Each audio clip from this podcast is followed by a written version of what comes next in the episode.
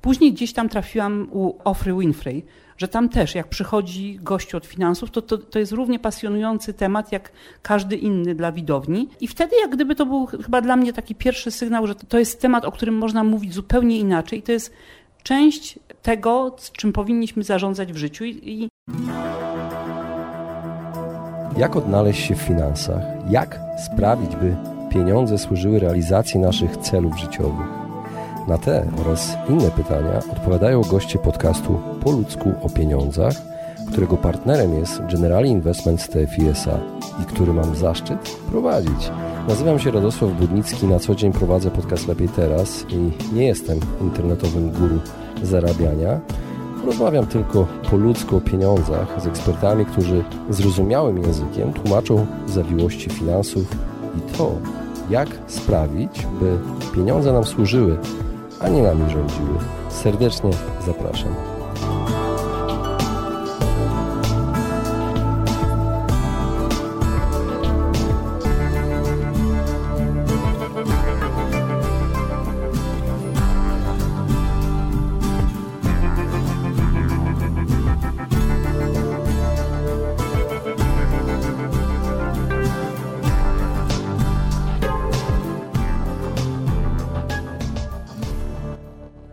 Witam Was serdecznie w kolejnym odcinku podcastu Po ludzku o pieniądzach. Dzisiaj moim gościem jest ekspert Generali Investments TFI, Danuta Musiał, z którą mam też zaszczyt i przyjemność współprowadzić ten podcast.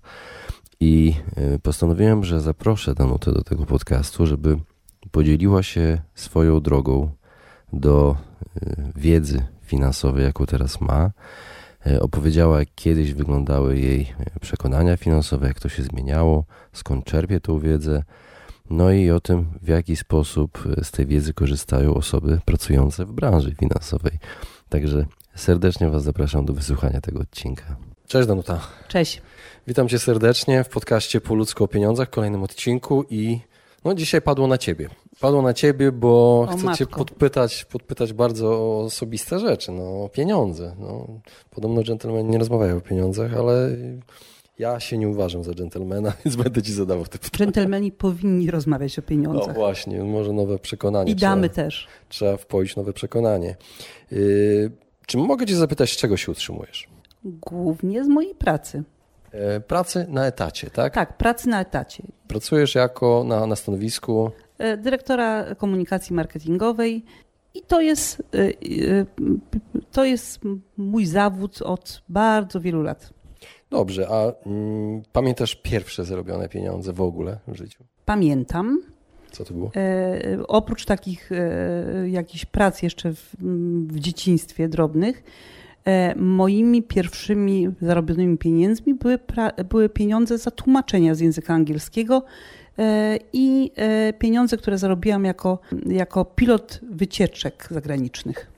Wow, a jak znajdowałaś tych klientów? Jak wtedy się szukało pracy? Jak aktywnie to robiłaś? Jak ty to robiłaś? Nie, to były, to były takie czasy, że bardziej właśnie te, wtedy mogę powiedzieć tak, że języki obce, szczególnie w mniejszych miejscowościach, a ja wychowałam się w Ostrowcu Świętokrzyskim, były na tyle egzotyczną umiejętnością, że jeżeli ktoś kogoś znał, kto zna dobrze język, to praca przychodziła sama do ciebie. Więc ja, ktoś tam mnie polecił, gdzieś była potrzeba e, znajomości języka. No moją najbardziej egzotyczną pracą na studiach e, była praca tłumacza w lesie pod Sandomierzem przy budowie chłodni przechowalni owoców przez amerykańską firmę. Wow. Robotnicy z lokalnych z, z wsi pod Sandomierzem, Klimontów, tamte okolice.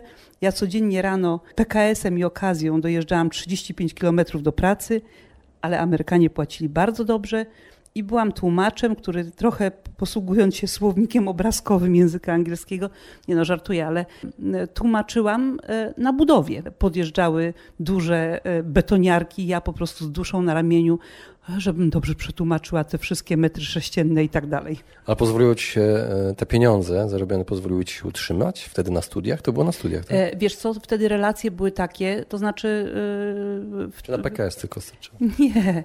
Relacje były takie, że na przykład za jeden dzień tłumaczenia konferencyjnego na konferencji, taki, taki dzień, 10 godzin tłumaczeń, mogłeś spokojnie żyć miesiąc. I za taki, takie wakacje spędzone jako tłumacz na budowie spokojnie można było sfinansować resztę Cały wakacji rok. jeszcze rok. Dokładnie. Bo to były dość e, wtedy, tak jak mówię, no, był popyt na ludzi znających angielski czy inne języki. A pamiętasz przekonania finansowe, jakie panowały e, w Twoim domu? Kiedyś, zawsze. E, ja zostałam wychowana w domu, w którym rodzice no, w tamtych czasach obydwoje pracowali na etacie, bo pochodzę z miasta bardzo przemysłowego, więc tam huta y, i wszystkie zakłady koło huty, ale ja zawsze pamiętam mojego ojca, który zawsze miał dodatkową pracę. Czyli przekonanie finansowe z mojego domu było takie: nie ma pieniędzy, to trzeba pracować trzeba dorobić i mój ojciec zawsze miał dodatkową pracę, mama mu po, po też pomagała i my właściwie z siostrą byłyśmy wychowane od najmłodszych lat, że po pracy no, przychodzi się tam e, z pracy i jeszcze się pracuje, więc dla mnie realia pracy przez długie godziny czy jakieś robienia dodatkowych rzeczy to jest to, co ja, co ja wyniosłam z domu. Zresztą jeden z moich e, najlepszych biznesów wspólnie jeszcze z siostrą e, był w czasach studenckich. Ja, ja studiowałam w Warszawie podzieliłyśmy się. E, po pierwsze, zrzuciłyśmy się we dwie na ogłoszenie w gazecie lokalnej dotyczące lekcji angielskiego i podzieliłyśmy się. Raz na dwa tygodnie przyjeżdżałam ja i robiłam stronę gramatyczną. Miałam full uczniów przez całą sobotę języka angielskiego. Raz na dwa tygodnie przyjeżdżała siostra i uczyła ich innych zagadnień związanych z językiem angielskim, ponieważ byliśmy na podobnym e, poziomie, to wspólnie prowadziłyśmy sobie takie korepetycje języka angielskiego. Wyobraź sobie, dwie dziewczyny po, na początku studiów, e, które co dwa tygodnie jadą z Warszawy do Ostrowca Świętokrzyskiego, żeby wspólnie prowadzić swój biznesik. A powiedz, jak e, z tymi przekonaniami z domu wyniesionymi teraz jest? W sensie, czy coś ci się przydało w życiu? Bardzo. To znaczy w dalszym ciągu, jak nie ma pieniędzy, trzeba pracować i zarabiać. Aha, rozumiem, czyli po prostu y, więcej trzeba pracować. Dokładnie. No może z tą stroną oszczędnościową u mnie jest słabiej, no ale cóż, no dobrze, trzeba no nad tym pracować. To wracamy teraz do tej dzisiejszej rzeczywistości, bo pracujesz w finansach. No właśnie, pytanie tutaj, czy to nie jest tak, że szef bez butów chodzi trochę? I jak to jest z tymi przekonaniami finansowymi, które panują obecnie w Twoim otoczeniu? E, wiesz co, ja z racji e, mojej pracy e, bardzo dużo zajmuję się wynikami badań, statystykami dotyczącymi również postaw finansowych. I my na przykład operujemy na takich, na takich badaniach dotyczących otwartości na ryzyko i podejścia do produktów finansowych. I bardzo często zdarza się, że osoba to nie tylko w mojej firmie, ale generalnie na rynku. Ktoś, kto operuje bardzo y, skomplikowanymi instrumentami finansowymi w firmie, ma wykształcenie ekonomiczne, jest finansistą, po prostu y, y, ogarnia bardzo skomplikowane transakcje. Jeżeli chodzi o swoje finanse osobiste, jest osobą absolutnie z wielką awersją do wszelkiego ryzyka, do wszelkich komplikacji Wystarczy y, karta debetowa, konto, y, y, nigdy kredytów, wszystko za gotówkę, prostota, prostota. I po prostu nie ma możliwości nawet rozmawiania z taką osobą o, o jakichś, że tak powiem, produktach, innych tak. produktach bardziej za, zaawansowanych. Bo nie, bo, bo, bo ta osoba w, swoim, w swoich personalnych finansach ma zupełnie inną postawę niż w finansach, finansach y, takich y, firmowych. Ale to jest taki przykład pozytywny, bo, bo nie ma nic złego w byciu bardziej konserwatywnym e, w finansach osobistych niż niż się jest, e, że tak powiem, w operacjach na przykład firmy własnej, tak? Że oddzielamy, nawet we własnej firmie, oddzielamy budżet, aha, budżet domowy to są żelazne zasady i tam nie ma nic, natomiast nie wezmę kredytu konsumpcyjnego, ale wezmę kredyt e, na firmy. Często są takie postawy, tak? Natomiast często jest też tak, że, że jest ktoś, kto powinien mieć tą wiedzę finansową i tak dalej, i to wszystko wie, skończył studia, certyfikaty, a nawet y, występuje jako ekspert. A tu jak spojrzysz na finanse y, osobiste, to się okazuje, że kredyt na kredycie, kredytem pogania y, jest finansowanie zadłużenia z jednej karty na drugą kartę, no więc zdarza się, że szewc bez butów chodzi, zdarza się, że ludzie, którzy powinni mieć, a właściwie mają tą wiedzę finansową, zupełnie nie stosują jej w praktyce. Są różne po, te, po temu przyczyny, bo czasami to, jest, to są złe nawyki finansowe, czasami jest jakaś tam sytuacja, a czasami to jest jakieś takie zagonienie, tak, że w pewnym momencie zarabia się, zarabia się coraz więcej, coraz więcej, a, a nawyk wydawania całych pieniędzy zostaje. Także to jest, myślę, że nawyki i psychologia głównie. Mhm. Danuta, od lat pracujesz w branży finansowej i zastanawiam się, czy to, że zaczęłaś pracować spowodowało, że zaczęłaś y, gromadzić wiedzę na temat finansów, czy wcześniej już y, w jakiś sposób poszukiwałaś tej wiedzy? I mam do Ciebie pytanie, skąd czerpiesz tę wiedzę o finansach? Czy to są blogi, vlogi, książki, podcasty? E, zdecydowanie tak. E, rozpoczęcie pracy w e, instytucjach finansowych. Ja od 97 roku pracuję w finansach i pamiętam, że z, jedną z pierwszych rzeczy, bo ja przychodziłam do banku komercyjnego z wiedzą z zakresu, oczywiście skończyłam studia ekonomiczne, ale zajmowałam się reklamą, tak? Więc moje pierwsze lata jakiejś takiej edukacji zawodowej wiązały się z zupełnie inną dziedziną. Przychodząc do instytucji finansowej, oczywiście musiałam natychmiast zacząć się uczyć w praktyce wszystkich rzeczy związanych z produktami finansowymi. Natomiast szczerze, jeszcze nie pamiętam, czy 10 lat temu w ogóle, może 10 lat temu to tak, ale 15 lat temu w ogóle nie rozmawiało się o finansach osobistych tego tematu nie było. To znaczy, oczywiście były budżety, znaczy wiadomo, że e, ludzie zaciągali kredyty, odkładali pieniądze i tak dalej, ale to nie był temat do rozmowy, tak? I, I, ten temat patrzenia nie na produkty finansowe, nawet ze strony instytucji finansowych, nie na e, konkretną lokatę, czy fundusz, czy, czy kredyt, czy kartę kredytową, tylko na zarządzanie budżetem, pojawił się na przestrzeni ostatniej dekady myślę, że w takim, w takim e, no brzydko mówiąc, mainstreamie, a nie jako ciekawostka. No dobrze, a y, w takim razie skąd czerpiesz tę wiedzę? Wiesz co, ja bardzo dużo, znaczy oprócz takich źródeł zawodowych, czyli wiedzy, którą e, konsumuję e, w ramach swoich obowiązków służbowych, bardzo lubię poszukiwać nowych rzeczy i dla mnie bardzo wygodnym źródłem wiedzy są podcasty rzeczywiście. Możesz polecić po ludzko pieniądzach spokojnie? Myślę, że tak. Mogę. E, Dzięki. I, i, I, słucham, nie tylko z obowiązku służbowego. E, natomiast e, ja zaczęłam od Dave'a Ramseya. Właściwie od jego, zobaczyłam go na YouTubie, gościa, który mówi, ludzie, co wy, oszaleliście. Jak to? Jak, jak to? Bo tam pytanie było, o, jestem po tam dwóch fakultetach i chciałabym robić trzeci, a mam jakiś tam kredyt. Co? Czy to, to niepotrzebna dorada finansowa, tu potrzebny terapeuta albo egzorcysta. Ja mówię, kto to jest ten człowiek? Okazało się, że on po prostu całym sobą mówi, ludzie, to nie po Bożemu tak e, szastać pieniędzmi. No i mówię, o, ciekawe. I jak gdyby zaczęłam e, interesować się więcej i e, trafiłam na jego cały program Financial Peace University, czyli Uniwersytet Spokoju Finansowego.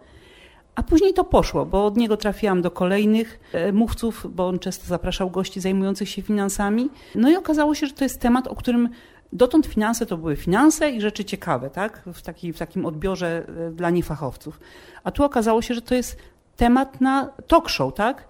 Później gdzieś tam trafiłam u Ofry Winfrey, że tam też, jak przychodzi gościu od finansów, to, to, to jest równie pasjonujący temat jak każdy inny dla widowni. I wtedy, jak gdyby to był chyba dla mnie taki pierwszy sygnał, że to jest temat, o którym można mówić zupełnie inaczej. I to jest część tego, czym powinniśmy zarządzać w życiu. I, I, wydaje mi się, że to był też taki moment, kiedy, kiedy dla mnie e, spotkałam, e, natrafiłam na tą wiedzę w momencie, kiedy ja kupowałam mieszkanie, zaciągałam kredyt i tak dalej. No i wtedy te rzeczy stają się dla, dla ciebie interesujące, bo są mało interesujące w momencie, kiedy jesteś młodym pracownikiem, który wynajmuje mieszkanie e, i praktycznie twoje planowanie finansowe no, jest dość ograniczone. Jeszcze nie myślisz o emeryturze, o jakimś tam większych inwestycjach.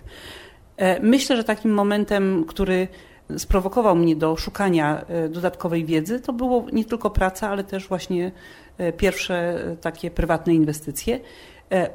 Ja, jeżeli chodzi o, o wiedzę, bardzo lubię też czytać polskich blogerów finansowych. Uwielbiam czytać Marcina Iwucia, ale czytam bardzo wiele blogów polskich finansowych. Kupuję książki z dziedziny finansów osobistych. E, bo jest dużo ciekawych pozycji i, i, no i trzeba, trzeba, wydaje mi się, że trzeba to śledzić i trzeba, one często są na przykład działo finansach, to jest mm, część pozycji o, dotyczących zarządzania albo zarządzania e, sobą. Co jeszcze? Myślę, że wa ważnym takim, e, taką jak gdyby dziedziną, skąd można czerpać wiedzę, to są jednak przekazy instytucji finansowych, bo teraz bardzo wiele firm, banków, ubezpieczalni, funduszy inwestycyjnych ma jednak rozbudowane e, programy edukacyjne.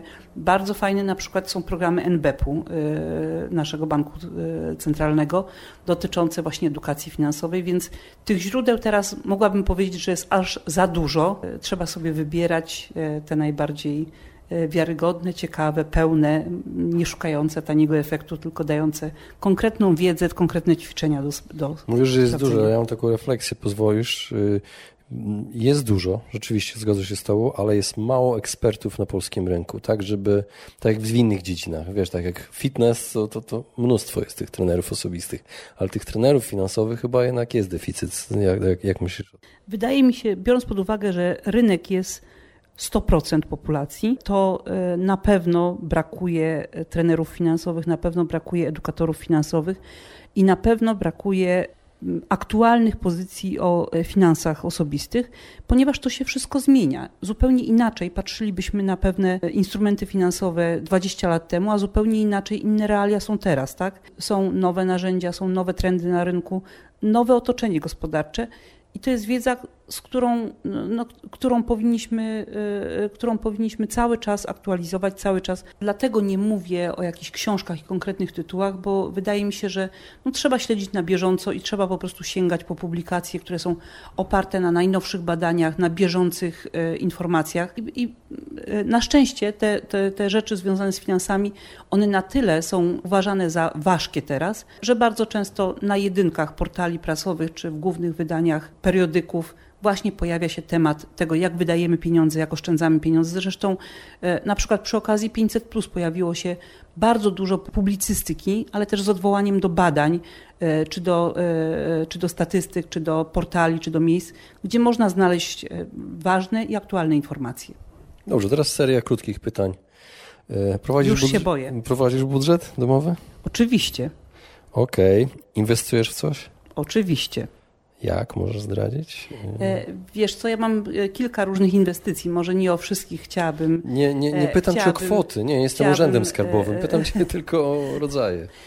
Powiem tak, z jednej strony to są inwestycje takie związane ze stanem posiadania, czyli na przykład nieruchomości, czy generalnie zapewnienie bytu mojej rodzinie, czy edukacja. A druga ważna rzecz to jest obszar moich inwestycji na przyszłość i emerytalnych. Ja to, ja to widzę jako jeden koszyk. I oczywiście IKE, IGZE, w moim przypadku PPE i odkładanie pieniędzy. Ja część pieniędzy odkładam e, na koncie oszczędnościowym, a część inwestuję w fundusze inwestycyjne. I to właściwie jest, jest taki mój podstawowy koszyk. Ja trzymam się tej zasady trzech poduszek finansowych, czyli jedna fundusz awaryjny pod tytułem Zepsuta pralka, druga fundusz czasowego postoju, czyli co by było, gdybym nie zarabiała przez pół roku czy rok no i trzecia te inwestycje na duże cele, czyli w moim przypadku na przyszłość, na emeryturę. Rozumiem. No, miałem pytanie o oszczędności i odpowiedziałaś już na to pytanie. No właśnie, pytanie, czy ty, ty robisz tak od razu, jak dostajesz pensję? Tak. Ja mam ustawione przelewy na, na subkonta dotyczące celów oszczędzania, które mam na początku miesiąca. Okej, okay. jeśli chodzi o plan finansowania emerytury, wymieniłaś prawie wszystkie e, produkty. No i ja z nich wszystkich korzystam. Wszystkich korzystasz. No, kiedy, pytanie, kiedy planujesz zostać emerytem? No, czy chcesz wcześniej? I pytanie, czy, czy jako, wiesz, bo emerytura to podobno nie jest wiek, nie jest jak gdyby taka, ta, taka decyzja, tylko to jest stan konta. Pod względem aktywności zawodowej chciałabym nie przechodzić na emeryturę, bo uważam, że, e, że to jest fascynujące pracować, rozwijać się i, e, i, i uczyć się cały czas pod względem bezpieczeństwa finansowego, chciałabym zrobić to najpóźniej w wieku ustawowym. Rozumiem. Dobrze, no życzę Ci tego. Czy znasz osoby, które warto naśladować w podejściu do finansów osobistych? Mnie e, bardzo inspiruje e, Marcin Iwódź. Bardzo mi się podoba jego podejście do finansów. On jest autentyczny w tym. E, myślę, że z tego, co, bo mam szczęście znać prywatnie Marcina, jego jego żonę e, poznałam, e, bardzo fajną rodzinę i wydaje mi się, że jest to autentyczne, na podstawach wiedzy, ale też e, Marcin ma bardzo dużo, dla mnie są ważne intencje, jak gdyby to, w jakim celu ktoś ogarnia pewne rzeczy finansowo. I Marcin jest bardzo inspirujący w takim swoim bardzo pozytywnym i, i dobrym podejściu do siebie, do rodziny, ale też do innych ludzi, że to są takie finanse z misją, tak? Bardzo mi się to podoba. Mam bardzo dużo przykładów pozytywnych w swoim otoczeniu, ale e, myślę, że trochę naruszyłabym prywatność tych osób, kiedy e, wymieniłabym z imienia i z nazwiska, że kolega ten i ten to jest dla mnie guru finansowy, a koleżanka ta i ta to, to też jest dla mnie guru finansowy. Nie chciałabym nikogo urazić i, i tutaj e, wśród moich znajomych, którzy, które, którzy nie są osobami publicznymi i tak jak Marcin nie wystawiają jak gdyby trochę na widok publiczny tego swojego podejścia do finansów, nie chciałabym o tym mówić. Ale powiem tak, mnie bardzo cieszy za każdym razem jak widzę osobę, która świadomie podchodzi do planowania finansów, chociaż mam jedną taką uwagę – czasami to przechodzi w ekstremum, więc wydaje mi się, że jest, coś, że jest taki moment jak zbytnia rozwaga finansowa, zbytnie planowanie. Wydaje mi się, że ten element swobodnej decyzji, budżetu na przyjemności musi być zachowany, bo w pewnym momencie. No, margines no, taki. Tak, taki margines, bo w pewnym momencie to, to też nie jest dobre. Natomiast mm, z takich bliższych przykładów, mam nadzieję, że się to utrzyma. Bardzo mnie zainspirowała Parę lat temu moja córka, która opowiadając bajkę, jak to dzieci opowiadają o złotej kaczce, słyszę jak opowiada tam misiowi, czy lalce, czy koleżance swoją wersję i tam jest o złotej kaczce. Pamiętasz złotą kaczkę, która e, e, dawała pieniądze Szewczykowi, ale musiał wszystko wydać na siebie w ciągu tam jednej, jednego dnia, bodajże coś takiego było, że dostaniesz pieniądze, musisz wszystko wydać na siebie i ani grosza dla kogo innego, bo wtedy yy, i wtedy będziesz zawsze bogaty. I słyszę moje dziecko, które mówi. I wtedy Szewczyk powiedział: Dziękuję ci bardzo, kaczko, nie chcę być takim człowiekiem. Ja będę dobrym szewczykiem, który robi dobre buty i będę robił swoją pracę i nigdy mi pieniędzy nie zabraknie. I myślę, że to jest takie dobre podsumowanie tego, co ja bym chciała wierzyć, że powinno być dobrą filozofią finansową. Lepiej nie mogłeś zakończyć tej rozmowy. Bardzo Ci dziękuję. Dziękuję.